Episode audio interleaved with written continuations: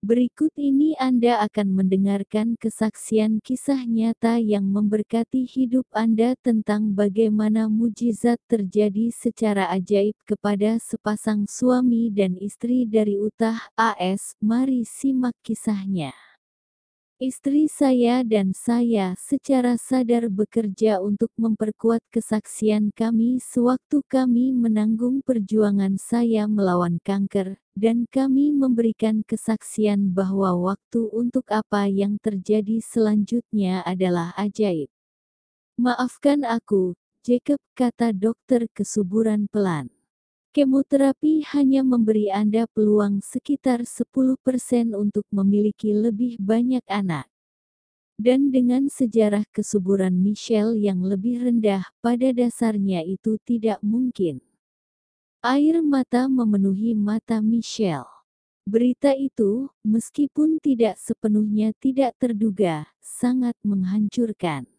Kemoterapi telah menyelamatkan hidup saya, tetapi efek sampingnya sulit untuk ditahan. Kami pulang dari kunjungan itu dan dengan air mata menggendong putra kami yang berusia dua tahun, Jonas, yang sangat kami syukuri. Di tengah perasaan hancur ini, kami memandang ke surga.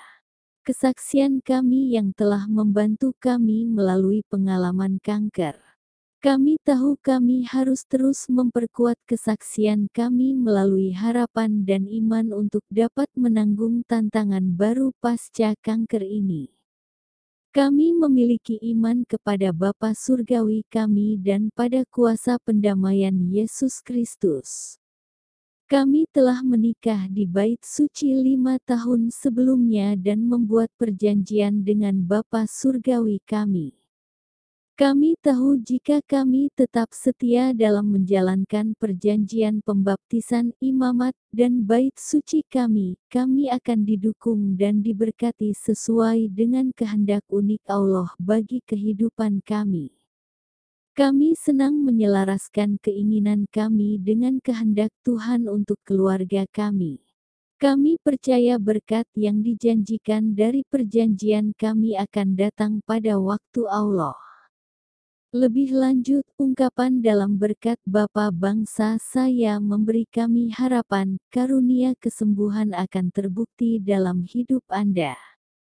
Ketika saya menerima berkat itu pada usia 17 tahun, saya telah menafsirkannya sebagai pelayanan saya kepada yang sakit melalui kuasa imamat. Setelah kanker, saya menyadari bahwa karunia kesembuhan diterapkan langsung kepada saya. Harapan dan keyakinan untuk mencoba lagi. Kami telah dinasihati oleh ahli onkologi saya untuk menunggu setidaknya dua tahun setelah saya menyelesaikan perawatan kanker bahkan sebelum mencoba untuk mendapatkan anak lagi. Waktu akan memungkinkan obat kemoterapi dibersihkan sepenuhnya dari tubuh saya. Dua tahun telah berlalu, dan hidup kami menjadi lebih dan lebih stabil pasca kanker. Kami mulai membahas dengan ringan kemungkinan mencoba memiliki anak lagi. Sejujurnya, saya takut. Kanker telah merenggut banyak hal dari kami secara fisik, emosional, dan finansial. Michelle menginginkan bayi lagi lebih dari apa pun di dunia ini. Saya takut tubuh saya belum sembuh total. Saya takut hati istri saya akan hancur dan tidak dapat diperbaiki. Saya takut itu akan menjadi satu hal lagi yang akan diambil kanker dari kami. Dengan pikiran dan perasaan berputar-putar di dalam diri kami, kami duduk untuk menonton konferensi umum April tahun 2012. Selama sesi Sabtu sore, ketakutan kami pergi dan kami dipenuhi dengan kedamaian. Elizabeth Hope dan Rachel Fight. Kami mengetahui kehamilan Michelle di bulan Mei, Selasa sebelum Hari Ibu. Kami mengetahui bahwa bayi kami sebenarnya adalah anak perempuan kembar, Senin sebelum hari ayah. Kami mulai mendiskusikan nama gadis-gadis ini. Kami ingin nama mereka mencerminkan kedalaman rasa syukur kami kepada Tuhan yang diwakili oleh kelahiran mereka. Kami memutuskan untuk menamai mereka setelah wanita beriman yang ditemukan dalam Alkitab, Elizabeth, karena itu adalah turunan dari nama Ibrani Eliseva, yang berarti, janji Tuhan, dan Rahel karena kehidupan Rahel yang alkitabiah paralel dengan kehidupan kita. Rahel di zaman kuno menghadapi ketidakmampuan melahirkan anak, namun sewaktu dia terus menjalani kehidupan yang setia, rencana unik Allah bagi hidupnya terungkap dan dia melahirkan seorang putra, Joseph, dan kemudian putra lainnya, Benyamin, Lihat kejadian 30 banding 22 minus 24, 35 banding 24. Michelle ingin nama tengah si kembar menjadi harapan dan keyakinan sebagai pengingat kekuatan kedua doktrin ini dalam hidup kita. Pertanyaannya sekarang adalah, nama mana yang cocok dengan Elizabeth dan mana yang cocok dengan Rahel? Jawabannya datang dengan jelas ketika saya membaca ceramah oleh Presiden Dieter F. Uchtdorf, penasihat kedua dalam presidensi utama, tentang atribut harapan dan iman seperti Kristus. Dia berkata, harapan adalah percaya pada janji Tuhan. Satu keputusan dibuat. Harapan akan menjadi nama tengah Elizabeth karena kedua nama itu berarti janji Tuhan. Oleh karena itu, nama tengah Rahel adalah Faid. Kuasa imamat terwujud. Menjelang waktu Natal, begitu pula kelahiran bayi kami. Kami menemukan bahwa salah satu bayi telah berubah. Dokter menyarankan kami untuk mempertimbangkan operasi caesar. Kami pulang ke rumah dan berdoa tentang hal itu, menerima jawaban yang kuat dan segera bahwa operasi caesar diperlukan. Keesokan harinya lahirlah dua bayi perempuan seberat 6 pon yang sehat. Michelle dan bayinya pulang beberapa hari kemudian. Michelle, bagaimanapun, segera kembali ke ruang gawat darurat karena pembengkakan parah yang dia alami selama kehamilan tidak kunjung turun. Hasil ronsen menunjukkan bahwa pembengkakan dan retensi cairan telah memperbesar jantungnya. Untung sekali Anda menjalani operasi caesar itu, kata dokter itu. Jika Anda mencoba melahirkan anak kembar secara normal, ketegangan di jantung Anda mungkin akan membunuh Anda. Kami dengan rendah hati berterima kasih kepada Bapa Surgawi kami untuk berkat lainnya.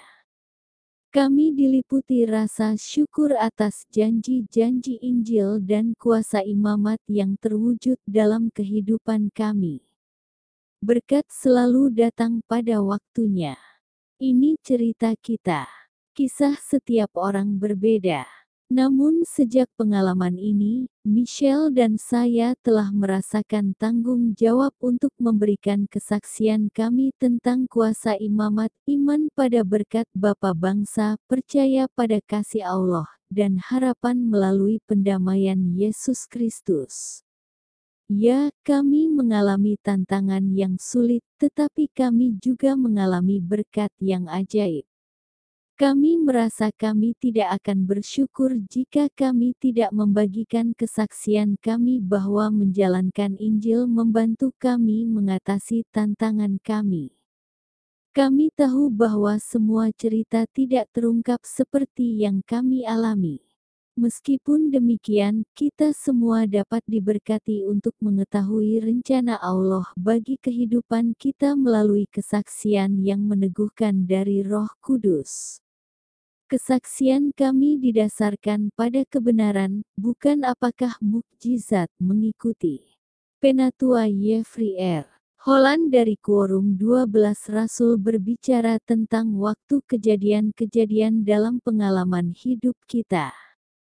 Saya memikirkan mereka yang ingin menikah dan tidak, mereka yang ingin memiliki anak dan tidak bisa, mereka yang memiliki kenalan tetapi sangat sedikit teman, mereka yang berduka atas kematian orang yang dicintai atau mereka sendiri sedang sakit penyakit. Titik. Saya memikirkan mereka yang menderita karena dosa, dosa mereka sendiri atau orang lain, yang perlu mengetahui bahwa ada jalan untuk kembali dan bahwa kebahagiaan dapat dipulihkan. Saya memikirkan tentang orang yang putus asa dan tertindas yang merasa hidup telah melewati mereka, atau sekarang berharap kehidupan itu akan berlalu. Kepada semua ini dan lebih banyak lagi, saya katakan, berpegang teguh pada iman Anda. Pegang harapanmu. Beberapa berkat segera datang, beberapa datang terlambat, dan beberapa tidak datang sampai surga, tetapi bagi mereka yang memeluk Injil Yesus Kristus, mereka datang. Petik 2 Rahel Fight Black dan Elizabeth Hope Black adalah saksi hidup bahwa Tuhan secara pribadi terlibat dalam kehidupan anak-anaknya. Setiap langkah di sepanjang jalan, tangan Tuhan terlihat oleh kami. Kesaksian kami, pada gilirannya, terus bertumbuh selama perjuangan saya melawan kanker serta selama berkat ajaib yang datang sesudahnya. Pencobaan dan tantangan, berkat dan mukjizat yang orang lain alami dalam kehidupan ini pasti akan berbeda dari yang kita alami, tetapi kesaksian kami adalah bahwa semua yang berusaha untuk mengikuti rencana Tuhan bagi kehidupan mereka akan diberi kuasa yang dapat membantu mereka bertahan sebagaimana serta bersuka cita. Amin. Terima kasih telah mendengarkan kesaksian ini. Kiranya menguatkan Anda sekeluarga bahwa tangan Tuhan selalu menolong dan mujizat itu masih ada sampai sekarang. Berserah dan percaya pada Tuhan dan Tuhan akan bertindak. Dengarkan kisah kesaksian lainnya hanya di Datsun Official.